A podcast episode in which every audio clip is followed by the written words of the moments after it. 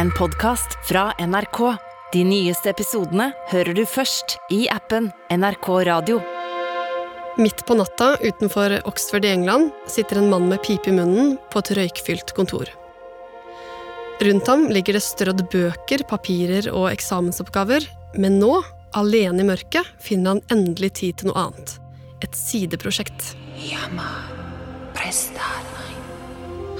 Og det mannen ikke vet, det er at denne lille hobbyen hans en dag skal bli en av verdens mest elska fortellinger. In the lands of Middle Earth, legend tells of the Dark Lord Sauron and the ring that would give him the power to enslave the world. Det er veldig mange av gjengen her som uh, dyrker uh, Ringenes herre, har dyrka filmene lenge. Det er et konsept og en mann som overgår absolutt alt.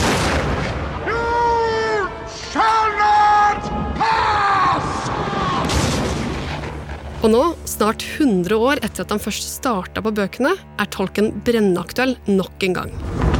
It is here, Galadriel. The moment we feared. and I am excited on the Prime Video series, The Lord of the Rings, The Rings of Power. Men Ringenes herre-universet det kunne like gjerne blitt liggende ulest og nedstøvet på kontoret. For bak suksessen ligger en årelang indre kamp. Hører på Oppdatert. Jeg heter Ina Swan. Det er juli 1916, og i en skyttergrav i Nord-Frankrike, i det som skal bli et av de verste slaga under første verdenskrig, sitter en mann på 24 år med langt ansikt og kort brunt hår. Han, som tusenvis av andre engelskmenn, har blitt kalt ut til krigen for å kjempe. Og nå sitter han i en trang, underjordisk korridor, omgitt av soldater og søle, mens det på utsiden hoper seg opp med unge, døde menn.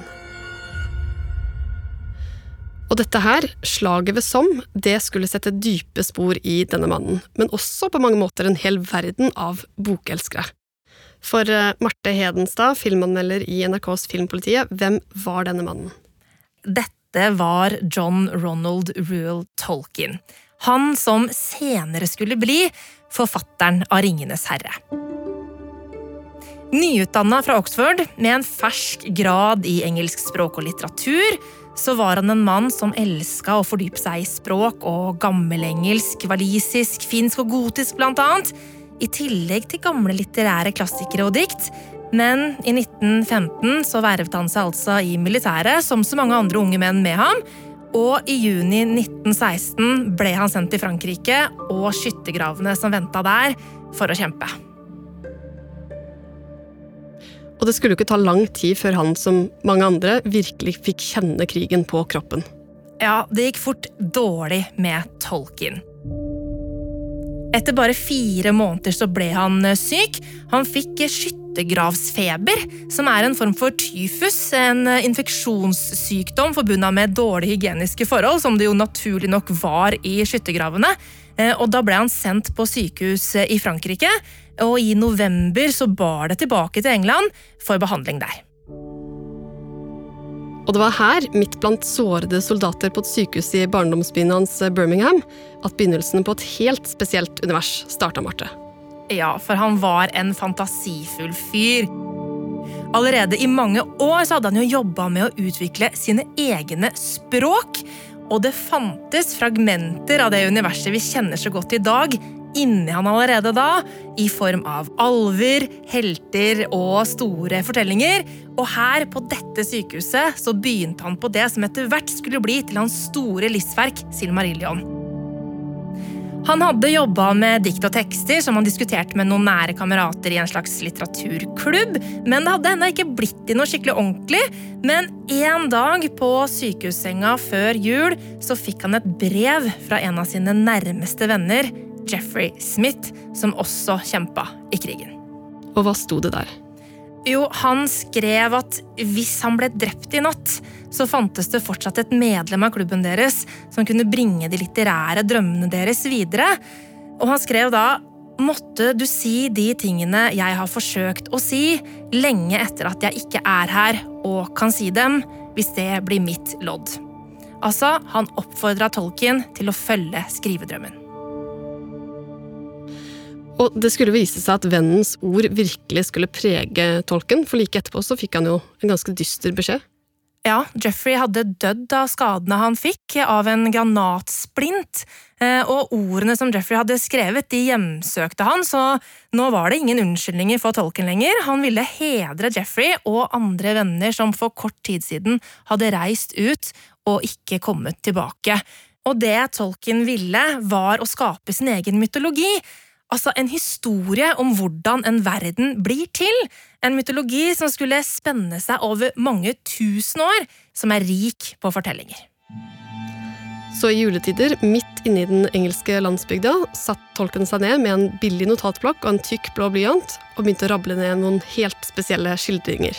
Ja, for nå begynte han å sette til live det universet han hadde hatt inni seg lenge. Og i det universet, som han kalte for Middle Earth, som var en slags eh, ja, vår jord langt tilbake i tid, i en slags mystisk eh, egen tidsregning som han fant på, eh, så befolka han denne verdenen da med alver, dverger, orker og trolldom og magi. Men det var veldig mange løse historier som ikke hang helt sammen, men mytologien begynte å ta form. Så tolken han hadde en visjon. Han ville skape et eventyrunivers, rett og slett. Litt som en saga. Og for å gjøre dette ekstra realistisk, Marte, så begynte han jo å grave seg ned i noe ganske spesielt. Ja, han fortsetter med det som var hans største hobby, nemlig å utvikle egne språk. Og det var mange av dem, men på dette tidspunktet så jobbet han blant annet med det som er et av de mest kjente språkene til Tolkien, Quenya. Og som en skikkelig språknerd henta han inspirasjon fra en rekke andre språk, spesielt finsk, men også latin og gresk, og hver dag satt han og terpa på språkene. Og han lagde også detaljerte kart over stedene historiene han skrev, utspilte seg i, som han tegnet for hånd. Han la inn tre etter tre der det skulle være skog, fjelltopp etter fjelltopp som skulle strekke seg som fjellkjeder gjennom landskapet. Han tegnet inn elver og byer, alt med stedsnavn skrevet på i veldig pyntelig skrift. Noe som også hjalp han med å utvikle fortellingene sine videre. Sakte, men sikkert tegnet han rett og slett en hel verden. Og tolken han var jo en perfeksjonist, så dette var jo ekstremt tidkrevende arbeid. Og midt oppi dette hobbyprosjektet så skjedde jo noe i livet hans som skulle utsette arbeidet enda mer. For da første verdenskrig var over, så starta han og kona familie. Og tolken han fikk plutselig et ganske vanlig familieliv og en ganske krevende jobb som professor ved Oxford University. Og i flere år lå eventyret urørt på kontoret. Men inni han så bobla det jo fortsatt med fortellinger og verdener og vesener, Marte, noe han ofte delte med barna sine. Ja, for kveldene så kunne han jo finne på de rareste historier. Han fortalte om julenissen på Nordpolen, og han henta også fra universet han selv hadde laga. Og der handla det om alver og dverger, troll og hobbiter. Ja, for en dag sen på kvelden så kom det jo et helt nytt vesen til han. Ja,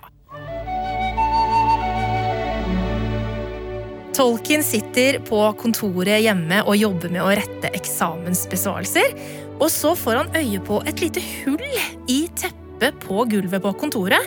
Og da kommer det en liten tanke til han. Hva er dette hullet? Og så skriver han ned på et papir. In a hole in the ground there lived a hobbit. I et hull i bakken så bodde det en hobbit. Og så begynner han da å undre seg. Hva er en hobbit, egentlig? Og så begynner han å fortsette på det, og så blir det som egentlig bare skulle være en liten fortelling, som han etter hvert begynte å fortelle barna sine om, og utvikle seg til å bli noe mye mer. Og han syntes det var veldig gøy å skrive om denne hobbiten, men han hadde en mistanke om at det var bortkasta tid, at han egentlig burde jobbe videre med det andre han hadde begynt på årevis før, nemlig Silmarillion og De tapte fortellingers bok. Men han fortsatte å skrive litt på den lille fortellingen om denne lille hobbiten som skulle få navnet Bilbo. Men det skulle jo ta ganske lang tid før historien om Bilbo ble ferdig. Ja, Tolkien la den faktisk fra seg i mange år. Han tegna noen kart og ordna litt med språk og bygde hele tiden ut sin mytologi og sekundærverden, som han kalte det. Men det var ikke før på midten av 30-tallet at han skrev Hobbiten halvferdig, og der ble den liggende i en skrivebordsskuff. Men etter flere år så skulle historien om Bilbo bevege seg fra skrivebordsskuffen og ut til verden. En dag fortalte nemlig tolken en familievenn som jobba for et forlag, at han hadde en ganske fabelaktig barnefortelling liggende hjemme. Vennen ba om å få lese historien, og tok med seg til forlaget. Og da forlaget åpna disse sidene med kart, språk og hobbitland, så ble det klart at historien om Bilbo den skulle aldri mer ligge i en forlatt skrivebordsskuff. Så etter litt finspikking her og der, så ble Hobbiten gitt ut i 1937. Og det ble jo en umiddelbar suksess, Marte. Ja, det ble det. Den ble veldig fort utsolgt, og boka fikk ros for den fantasifulle historien. Eh, men ikke bare det, den ble også beskrevet som morsom og kreativ, og som en fortelling som virkelig forsto barn. Og jeg tror den fenga så mange fordi den kombinerte ting som de hadde hørt om før, som dverger, troll og alver, med helt nye elementer som overraska, som Tolkien hadde skapt selv, som disse hobbitene. Og hvem kan vel la være å elske et så herlig folk som dem? Og det var kanskje derfor Tolkien nå fikk en stor bestilling fra forlaget. De mente at folk kom til å forvente å få en fortsettelse på historien om Bilbo allerede året etter, og forlangte nærmest en oppfølger. Men med denne bestillingen Marte, så fulgte det jo også et stort problem. Ja, for Hobbiten slutter jo med at Bilbo blir rik og lever godt i alle sine dager. Hvordan skal du fortsette det? Det skapte hodepine for Tolkien, og i utgangspunktet så forsøkte han å gi forleggerne sine helt andre historier som han allerede hadde skrevet, men det var mer hobbiter de ville ha. Eh, og Som perfeksjonist så orket han jo ikke å bryte med det han hadde skrevet i Hobbiten, så hvordan skulle han da bygge opp en fortelling om en som levde lykkelig i alle sine dager, eh, men fortsette et nytt eventyr?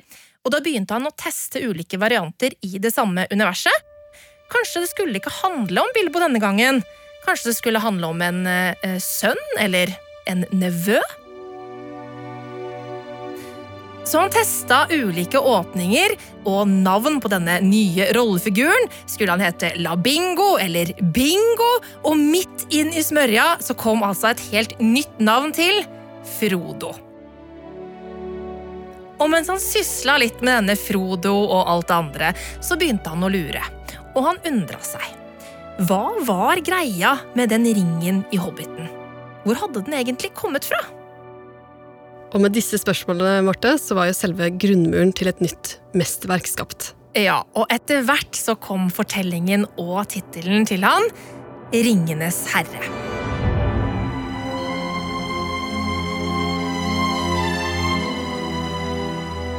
For Frodo fikk overta den magiske ringen Bilbo fant i Hobbiten. Og Ringenes herre handla om hvilke krefter som lå i denne ringen, og ondskapen som hadde skapt den og Frodo måtte legge ut på eventyr for å ødelegge ringen og redde verden.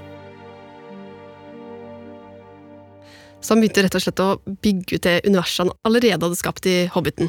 Ja, og han brukte jo sin velkjente metode. For å kunne skrive og bygge noe helt nytt, så måtte han først ha på plass geografien, og ikke minst alle språkene og navnene. Men det som kom fram når han satt og jobba med det her, Marte, det var jo at denne historien kom jo ikke til å bli en barnebok som forlaget hadde bedt om. Dette var jo noe mye mørkere, dystrere og mer episk. Ja, for det som kommer til ham, det er et verk om krig og vennskap, og dette er jo noe han har stått i selv. Og vi kan jo bare se for oss en scene fra Ringenes herre, eh, der Frodo eh, vandrer med sin venn Sam og deres guide Gollum gjennom The Dead Marshes, der døde kropper ligger like under overflaten på stille vann, og det kan vi jo se for oss er noe eh, Tolkien selv har sett i skyttergravene under første verdenskrig.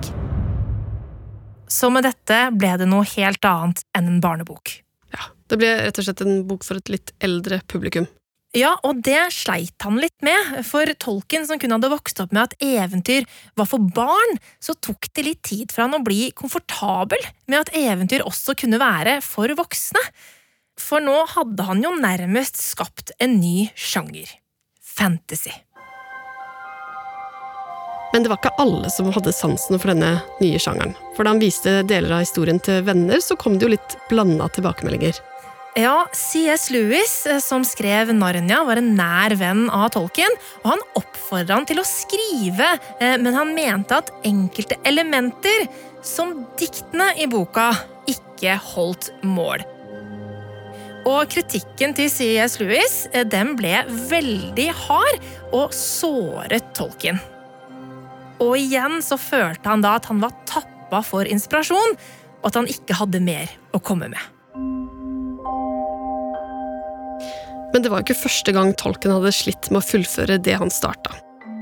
Hobbiten hadde jo tatt mange år, og med litt is i magen, tolv år etter at han først begynte å rable ned denne historien bak denne magiske ringen, så var den endelig klar til å bli utgitt i 1954. Og Tolkien han var jo veldig nervøs for tilbakemeldingene på denne voksne eventyrboka. Ja, han var det.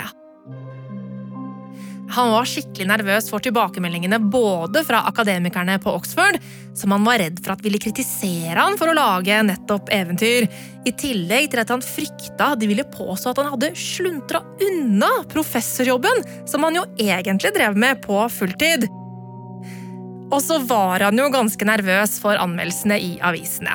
For selv om noen av vennene virkelig hadde likt det de hadde lest, så var det ikke sikkert at verden var klar for det.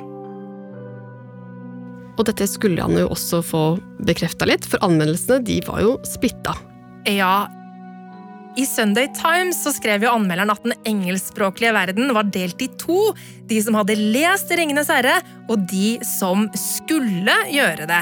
Men én mente at Tolkens bok var oppskrytt, malte ut fine landskaper, men at ringen virka livløs, og at mange av karakterene virka unødvendige og lite troverdige.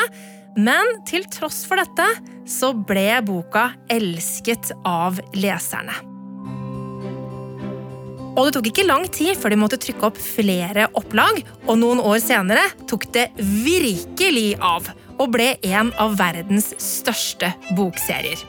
Ringenes herre ble oversatt til mange språk, lest av folk over hele verden i tiår etter tiår. Tolkens univers det nådde altså vanvittige høyder. Folk henta inspirasjon og lagde alt fra teater til hørespill. Det til tross for at Tolken, som den perfeksjonisten han var, mildt sagt ikke alltid var like fornøyd med det som ble laga. Og etter at han gikk bort i 1973, så skulle verket hans de neste tiårene få en renessanse. Sauron needs only this ring to cover all the lands i. The the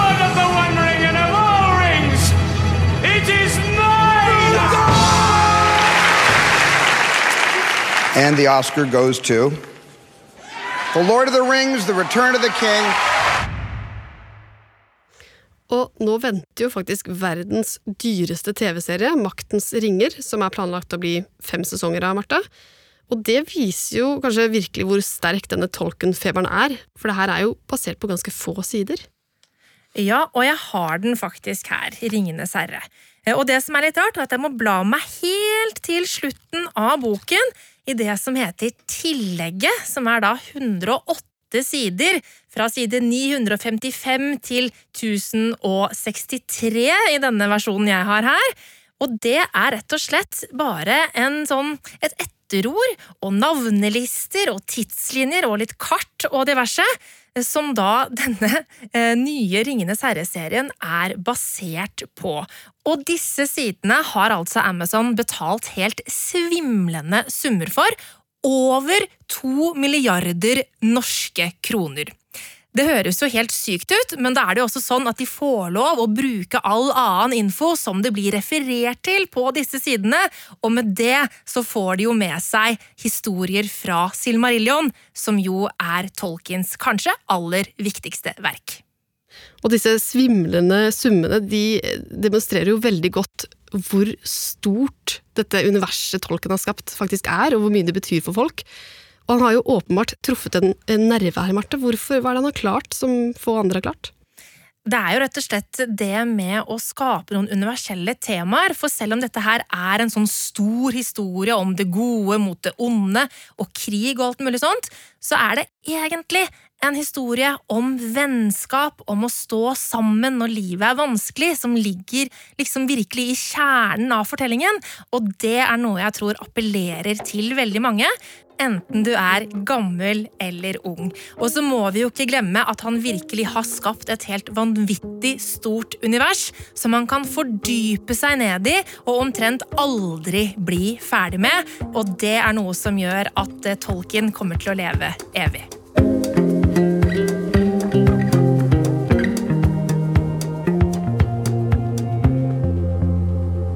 Oppdatert er en podkast fra NRK Nyheter. Og denne episoden er laga av Kaja Kirsebom. Andreas Berge. Og meg, Ina Svaan. Programredaktør er meg, Knut Magnus Berge. I denne episoden har du hørt klipp fra Prime Video, Comic-Con, Warner Brothers og NRK. Og research er henta fra biografien om tolken av Humphrey Carpenter. Har du spørsmål eller innspill, send oss gjerne en e-post på oppdatert krøllalfa nrk.no. Marsha P. Johnson var delaktig i Stonewall-opprøret, som ble utspringet til pride, og via livet til å forandre de trange samfunnsnormene hun ble født inn i. Hør historiske kjendiser med meg, Alexandra Gjerpen.